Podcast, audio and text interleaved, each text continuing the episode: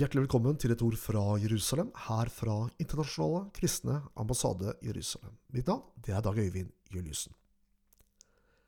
3. januar ble den iranske generalen Qasem Soleimani drept i et eh, amerikansk droneangrep i eh, Irak. Soleimani han var en del av, eh, eller en general i denne islamske revolusjonsgarden i Iran fra 1998 og fram til 3. januar. Han var leder for det som blir kalt for Quds-styrken i revolusjonsgarden. Og det var de som tok hånd om, i særlig grad, operasjoner utenfor og strategier utenfor Irans grenser. I en årrekke så har Iran forsøkt å få fotfeste og innflytelse, ikke minst gjennom vold og terror og destabilisering i ulike land i Midtøsten. Som vi er kjent med, så er det en dyp konflikt mellom sunni-muslimene og shia-muslimene. Shia-muslimene er først og fremst representert ved prestestyret i Iran. Og så har du mange andre arabiske stater, som Egypt og Saudi-Arabia, Jordan osv., som er sunni-arabiske stater. I 2011, 2011 begynte demonstrasjonene i Nord-Afrika som skulle komme til å bringe forandringer over hele Midtøsten. Regionen i dag befinner seg i et meget dramatisk geopolitisk jordskjelv, hvor noen stater er i ferd med å gå i oppløsning. Tidligere så hadde vi jo, var jo Irak og Syria og Libya egentlig betydelige eh, stater i regionen, men som i dag er eh, Ingen vet framtiden til. Eh, denne situasjonen har brakt enorme lidelser og store flyktningstrømmer til regionen. Få, eller ja, ingen, kan i dag si hva framtiden vil bringe for land som ja, Jeg nevnte Libya, Irak, Jemen og Syria. Midt i dette meget kaotiske bildet er Iran på frammarsj. Et eh, religiøst diktatur hvor presteskapet sitter med makten. Opposisjon og forslag om reformer blir brutalt brakt i taushet ved bruk av fengsel, tortur og henrettelser. Minoriteter undertrykkes, og landet er kjent for eh, intens etterretning også mot iranske flyktninger som lever i eksil. Bare i november, hvor det var betydelige demonstrasjoner i Iran, så ble 1500 sivile iranere drept av regimet. Dette var altså sivile demonstranter som ønsket endringer i landet. Det er det regimet man har å gjøre med. I tillegg så er de, som vi nevnte her, sterkt inne i ulike land. Iran har lykkedes med å bygge en en bro gjennom hele Midtøsten. Iranske soldater er til stede i Iran. Altså Du har jo Iran og Persia øst i Midtøsten. Og så går man vestover, så kommer man til Irak, hvor Iran er nå sterkt til stede i landet. Mestedelen av Irak har vært, fram til nå vært kontrollert av iranske soldater, eller militser, under iransk kontroll. I tillegg så går man enda lenger vestover og kommer til Syria, hvor Iran er til stede gjennom ulike militærbaser. De har intenst forsøkt å bygge opp militærbaser flere steder, eller mange steder i landet. Israel har gang på gang satt, lagt en hindring for dette, eller forsøkt å stoppe dette. Men Iran er til stede i Syria og har militær, militærbaser der. Så kommer vi til Libanon, som da ligger ved kysten av Middelhavet. Hvor Iran er sterkt til stede gjennom Hizbollah, som er en proksegruppe for Iran i, i landet. Hizbollah opererer på, på direktiver fra Iran, og Iran finansierer eh, disse terroristene. De trener dem, og de gir dem våpen. Og det bildet vi beskrev nå, det gjør at Iran, er, som er langt øst i Midtøsten, har en en bro, en gate, gjennom hele Midtøsten, altså gjennom Irak, Syria, Libanon og helt til Middelhavet og til Israels grense. På toppen av dette så vet vi at Iran i mange år har forsøkt å utvikle atomvåpen. Nylige kilder fra fagfolk sier, eller nylige, nylige informasjon fra fagfolk på dette området, har hevdet at det kan være mulig at nå på nyåret, som vi har passert inn i 2020, med den prosessen som Iran jobber med for uh, å utvikle anriket uran, så kan det være at Iran innenfor um, ja, i løpet av to måneder kan være i stand til å få nok anriket uran til å utruste atom, uh, et missil som blir et atomvåpen eller en atombombe. Og um, hva som skjer her, er jo ikke alltid enkelt å si, fordi eh, mye er fordekt. Men etterretningstjeneste eh, internasjonalt jobber jo intenst for å våke over situasjonen. Dersom vi får et Iran som sitter på atomvåpen, så vil jo det være livsfarlig for situasjonen i regionen. Iran har åpent gang på gang annonsert at staten Israel skal utslettes.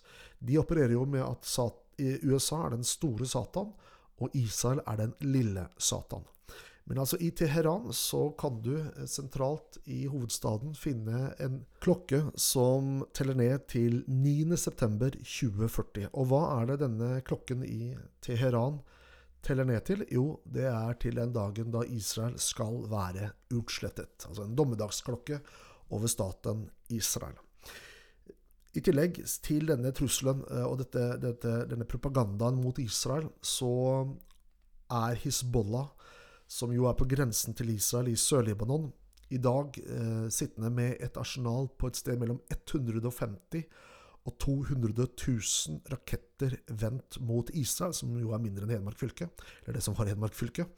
Eh, så hele denne situasjonen her er jo eh, den største trusselen for staten Israel. Iran er den største trusselen ikke bare for staten Israel, men for stabilitet i hele regionen. Og Derfor så er det mange som har gitt honnør til USA for at eh, Soleimani ble, ble, fjernet.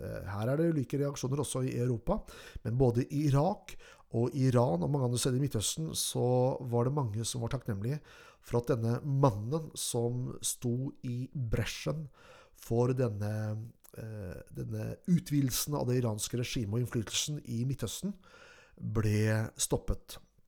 Så gjenstår det nå å se hva som skjer fremover. Det har pågått en skyggekrig mellom USA og Iran i lengre tid, eh, med flere tilfeller av angrep i, i, regionen. Og så spørs det nå hva som skjer, om det blir en betydelig eskalering, eller om ting vil, vil legge seg. Men det gjenstår å se. Eh, i, i tiden som kommer. Nå hører vi på litt musikk fra Kristian Masades feiring under Bye.